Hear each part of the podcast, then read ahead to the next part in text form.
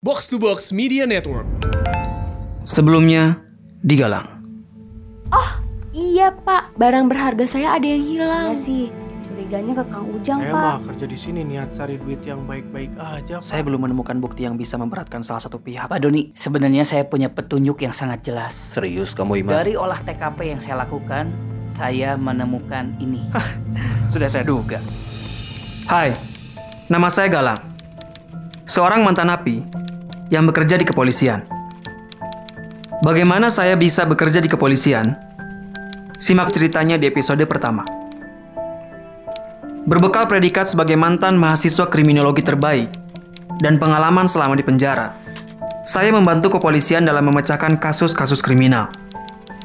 Dengan harapan, suatu saat, saya bisa menangkap seseorang yang telah menjebak saya masuk ke dalam penjara dan menyebabkan kedua orang tua saya meninggal.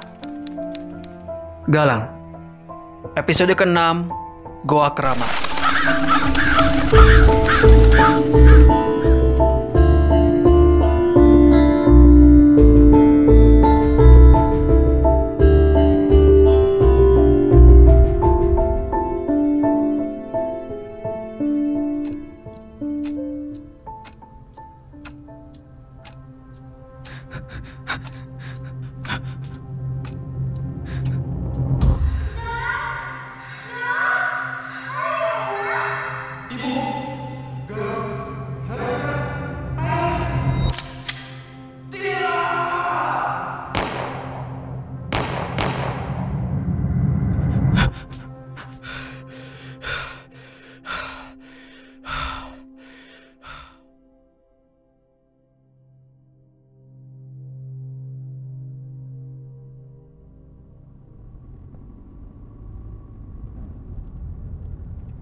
Orang tua zaman dulu bilang, kalau kamu mimpi buruk, itu lagi ada setan yang naikin badan kamu pas tidur. Mungkin ini karena stres aja sih, Pak. Tapi kadang omongan orang tua zaman dulu itu suka ada benernya loh, meskipun gak masuk akal. Saya yang sudah bertahun-tahun jadi polisi, kadang masih percaya dengan hal seperti itu. Bagaimana dengan kamu? Ehm, saya percaya hal yang seperti itu ada, Pak. Tapi saya tidak percaya kalau mereka bisa mencelakai kita. Termasuk bisa membuat kita bermimpi buruk. Ya, memang sudah seharusnya seorang polisi berpikir seperti itu. Kalau bukan karena kematian Renata, mungkin Bapak juga akan berpikir seperti kamu. Kematian yang tidak wajar, sampai setelah meninggalnya pun, Bapak sering didatangi almarhum di dalam mimpi itu. Dia meminta tolong kepada Bapak untuk membalaskan dendam kematiannya. Dan itu berlangsung selama berbulan-bulan. Lalu, apa yang Bapak lakukan sampai akhirnya bisa berhenti memimpikan Ibu Renata, Pak? Awalnya, Bapak coba mengkonsumsi obat antidepresan dari seorang dokter. Tapi ternyata ada efek sampingnya. Tangan Bapak jadi tremor. Dan itu sangat berbahaya bagi polisi yang setiap harinya selalu memegang pistol. Sampai akhirnya Bapak disuruh ibu untuk mencoba rukiah. Mendatangi seorang ustadz, lalu diberikan bacaan, melakukan amalan-amalan pengusir gangguan setan, dan hasilnya cukup baik. Sampai sekarang, Bapak udah nggak pernah didatangi oleh almarhum lagi. Oh, syukurlah kalau begitu, Pak. Kalau boleh saya tahu, nama obatnya apa, Pak? Saya sudah menduga kalau kamu bakal tanya nama obatnya ketimbang nama ustadznya. Eh, saya lupa nama obatnya apa. Tapi nanti saya kasih nomor dokternya ya. Soalnya obatnya harus dengan resep dokter. Gak bisa sembarangan. Baik, Pak. Terima kasih.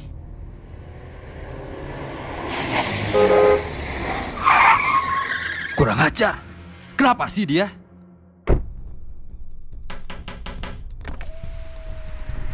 Dengan Pak Doni, Ya, betul. ada yang mau saya bicarakan, Pak.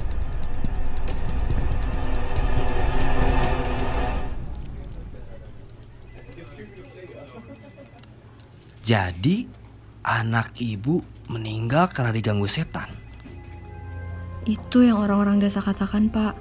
Kepala desa di sana mengatakan bahwa Diana telah melakukan hal tidak pantas di tempat yang telah mereka keramatkan. Sehingga Karuhun di desa itu marah dan membunuh anak saya. Tapi tetap saya tidak percaya. Memangnya apa yang anak ibu lakukan? Dia melakukan hubungan seks dengan teman satu KKN-nya. Tapi itu bukan jadi pembenaran bahwa anak saya harus mati kan, Pak? Lalu apa hasil penyelidikan dari kepolisian setempat? Polisi setempat melaporkan kalau anak saya meninggal karena bunuh diri. Tapi lagi-lagi saya tidak percaya, Pak. Saya tahu betul kalau Diana bukan anak seperti itu. Tapi bukannya desa itu di luar daerah yuridiksi kita, Pak? Saya mohon, Pak. Saya sudah tidak tahu harus meminta tolong kepada siapa lagi. Ini permintaan pribadi saya sebagai seorang ibu yang kehilangan anak secara tidak wajar. Saya mohon, Pak. Baiklah. Saya akan urus berkas dan perizinannya terlebih dahulu. Paling cepat besok kita akan pergi ke sana.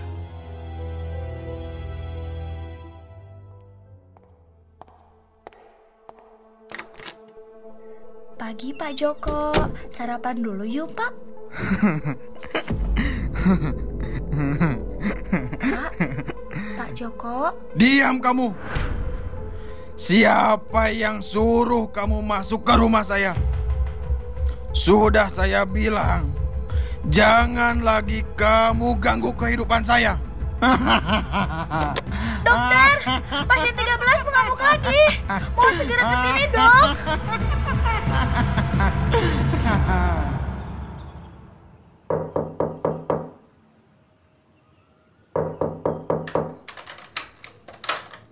Punten mau ke siapa? Sore Pak, kami dari kepolisian kota Bandung. Oh, Pak Doni. Ya silakan masuk Pak, masuk. Ma, kopi tiga sama kue-kuenya bawa sini. Tidak usah Pak, Ah, udah nggak apa-apa. Silakan duduk. Saya sudah dapat kabar dari Pak Syamsu Kapolsek kalau Pak Doni mau ke sini. Perkenalkan, saya Pak Entis, Kepala Desa Sirnaraga. Ada yang bisa saya bantu, Pak? ya. Sesuai yang sudah disampaikan juga, kami dari kepolisian kota Bandung ke sini untuk melakukan investigasi terkait kematian salah seorang mahasiswa KKN di desa ini sekitar dua bulan yang lalu. Baik, Pak. Boleh saya lihat suratnya? Hal ini meneruskan dari permintaan ibu korban yang secara domisili berada di wilayah yuridiksi kota Bandung. Jadi kami rasa hal ini masih menjadi tanggung jawab kami juga. Hmm, baik. Oh ya, Pak. Silakan, Pak, diminum kopinya, Pak. Apa yang bisa saya bantu, Pak? Pertama-tama, bisa Pantis ceritakan kronologi kejadiannya? Jadi benar, Mbak Diana ini adalah salah satu mahasiswa KKN yang ditugaskan di desa Sirnaraga dua bulan yang lalu. Pertama kali mereka datang ke sini, seperti biasa, saya sebagai kepala desa menyambut mereka dan memberitahu mereka tentang aturan-aturan desa. Termasuk larangan memasuki gua Paniisan yang terletak di bagian utara desa tanpa seizin saya. Kalau boleh tahu, ada apa di gua tersebut, Pak? Di sana adalah tempat di mana kami melakukan pemujaan kepada Karuhun. Seperti yang Bapak tahu, mayoritas penduduk di sini adalah penganut aliran kepercayaan atau biasa disebut Sunda Wiwitan. Nggak bisa sembarang orang masuk ke sana, apalagi ini orang dari luar desa. Dan lebih parahnya lagi, menurut kesaksian pacarnya, bahwa sebelum ditemukan meninggal, mereka terlebih dahulu melakukan hubungan terlarang di sekitaran gua. Bagaimana dengan kondisi terakhir korban ketika ditemukan? Almarhum ditemukan tergeletak di bagian atas mulut gua. yang di mana bagian atas gua ini terlalu tinggi untuk dipanjat dan tidak ada akses untuk menuju ke sana. Sedangkan menurut polisi tidak ditemukan sidik jari pada tubuh korban. Sepertinya Karuhun memang sangat marah sehingga kematiannya dibuat tidak wajar. Oh iya dan satu lagi, almarhum ditemukan dengan kondisi mulut berbusa yang menurut Pak Polisi itu overdosis. Overdosis. Maaf Pak, saya tiba-tiba teringat jasad korban. Jadi tidak sadar sedang pegang gelas kopi. Ya pak, iya pak, nggak apa-apa, nggak apa-apa. Ma, punten ini tolong diberesin. Tapi saya tidak menerima laporan seperti itu dari keluarga korban. Ya saat itu pun berkali-kali si ibu tidak menerima kalau anaknya meninggal karena overdosis pak. Saya juga tidak tahu antara si ibu memang shock melihat kenyataan kematian anaknya atau ada sesuatu yang disembunyikan. Baiklah, selanjutnya Bapak bisa antar saya ke TKP sekarang. Sekarang pak? Aduh, ini udah mau maghrib pak, udah sarup nak. Eh, kenapa pak? Ada masalah? Bukannya mau menghalangi penyelidikan, tapi pamali buat kita keluar rumah menjelang malam pak. Apalagi sekarang malam Jumat. Oke, baik. Jika bapak tidak mau, biar kami berdua saja yang ke sana. Eh, jangan pak, saya takut hal yang buruk terjadi lagi. Hmm, Hmm, baik, kita ke sana sekarang. Tapi kita harus ditemani oleh seseorang. Siapa?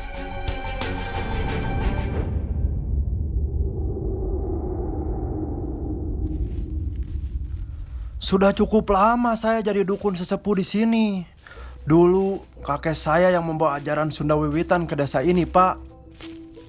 Nih ya, sebelum saya dipercaya jadi dukun kesepuhan, hasil kebun desa ini jelek sekali, Pak. Banyak warga yang mati kelaparan dan penyakit. Itu karena warga sini tidak menghormati karuhun yang bersemayam di gua panisan itu, Pak. Setelah saya simpan sesajen di sana, barulah keadaan bisa membaik. Nah, karena sudah jadi tempat keramat, maka tidak bisa sembarang orang masuk ke sana, Pak. Barang siapa yang melanggar akan merasakan akibatnya.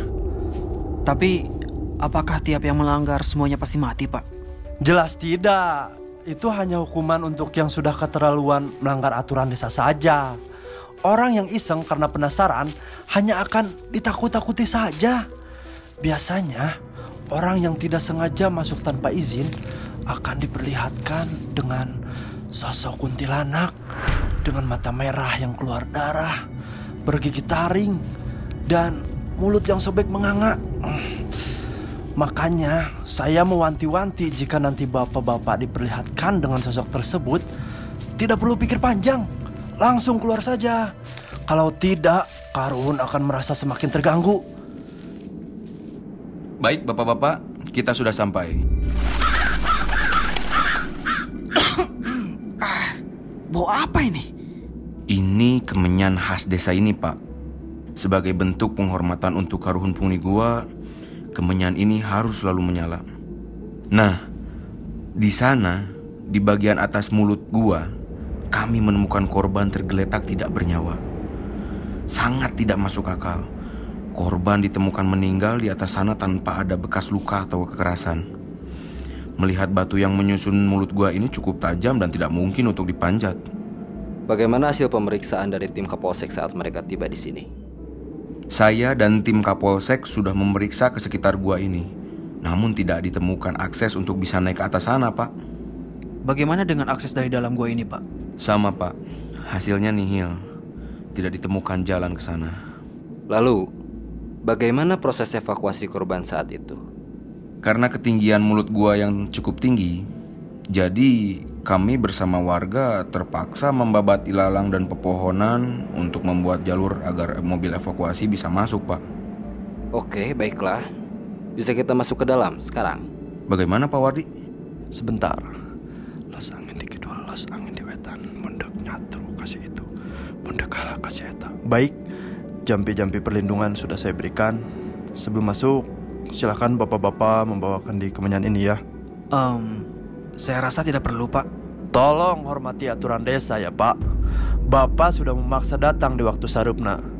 Saya juga sudah bersedia menemani Bapak ke sini. Saya minta Bapak bawa kemenyan ini tidak lain demi kebaikan Bapak juga. Agar Karuhun tidak merasa terganggu nantinya Pak. Galang, sudah, bawa saja. Baik, Pak. Dan satu lagi, saya sarankan untuk senjata api yang bapak-bapak bawa ditinggal di luar saja. Dititip ke Pantis. Oh, mohon maaf, Pak. Kalau masalah itu kami tidak bisa. Ini sudah termasuk SOP kami dalam melakukan penyelidikan. Baiklah, tapi jangan sampai dengan senjata itu timbul rasa jumawa dalam diri kalian. Merasa aman dan meremehkan keberadaan mereka. Karena terbesit sedikit saja perasaan itu, Karuhun bisa marah besar. Risikonya kalian tanggung sendiri. Baik, Pantis, tunggu saja di sini ya. Cukup saja saya yang menemani mereka. Mari, Pak.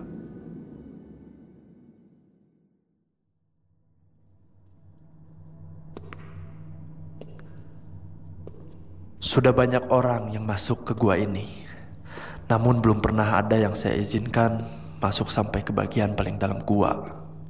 Bagaimana dengan penyelidikan bersama Kapolsek saat itu? Mereka sendiri yang menolak saya antar untuk masuk ke gua lebih dalam. Karena mereka tahu betul resiko yang akan mereka dapatkan. Tapi karena ini untuk kepentingan investigasi dan dengan maksud menghormati kepolisian kota yang sudah jauh-jauh ke sini, maka saya persilahkan. Apa itu? Anggap saja ucapan selamat datang. Dan kembali saya ingatkan untuk jaga sikap kalian di sini. Hormati mereka penghuni gua ini. Karena kita sama-sama tidak ingin ada suatu hal buruk terjadi. Bukan begitu anak muda? Eh, mohon maaf, Pak. Tapi saya tidak percaya mereka bisa menyakiti kita. Jaga ucapanmu anak muda. Nanti Karuhun bisa... Siapa itu? Sudah saya bilang, jangan pernah merasa jumawa di hadapan Karuhun.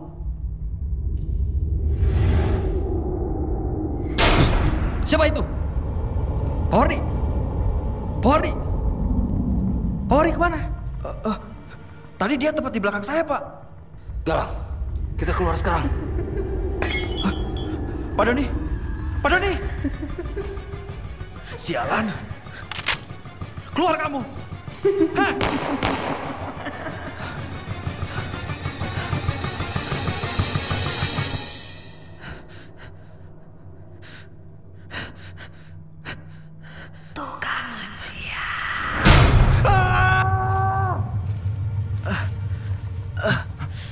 Pak Doni, tangan Bapak kenapa, Pak? Dia terserempet peluru nyasar. Pantis, tolong jaga Pak Dodi di sini. Saya membantu anak muda itu untuk keluar. Baik, Pak.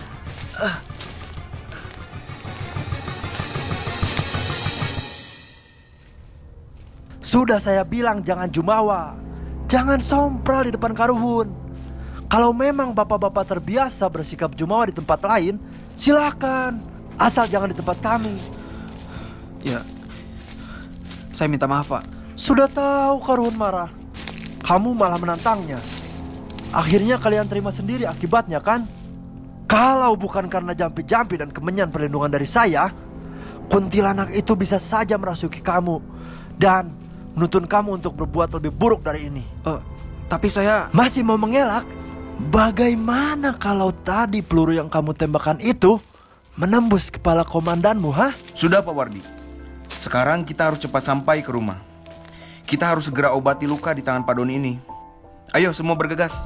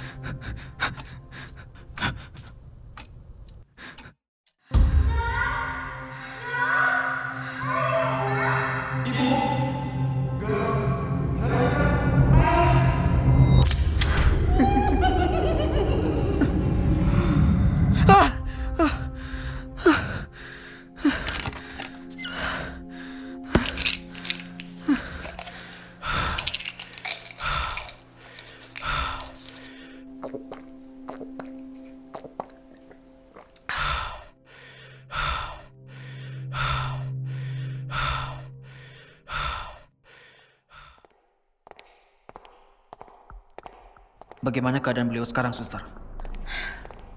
Belum ada peningkatan kesadaran yang signifikan, Pak. Seperti biasa, Pak Joko sedikit lebih waras ketika berbicara dengan Pak Galang saja. Sedangkan dengan dokter dan suster di sini sangat sulit. Sudah hampir tiga tahun Pak Joko berada di rumah sakit jiwa ini. Kira-kira perlu berapa lama lagi agar beliau bisa sembuh, suster? Dengan riwayat kekerasan yang ia terima bertahun-tahun selama di penjara dan pengalaman pahit atas meninggalnya seseorang yang sangat ia cintai, sepertinya akan memakan waktu yang cukup lama untuk pulih. Tapi dengan seringnya Pak Galang menjenguk beliau ke sini, seharusnya bisa membantu beliau untuk pulih lebih cepat. Karena sepertinya hanya Bapak satu-satunya orang yang memiliki kenangan baik bersama Pak Joko. Tidak, bukan saya satu-satunya. Silahkan Pak Galang, ini ruangannya.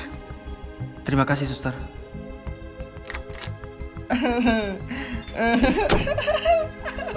Pagi, Pak Joko. Saya butuh bantuan.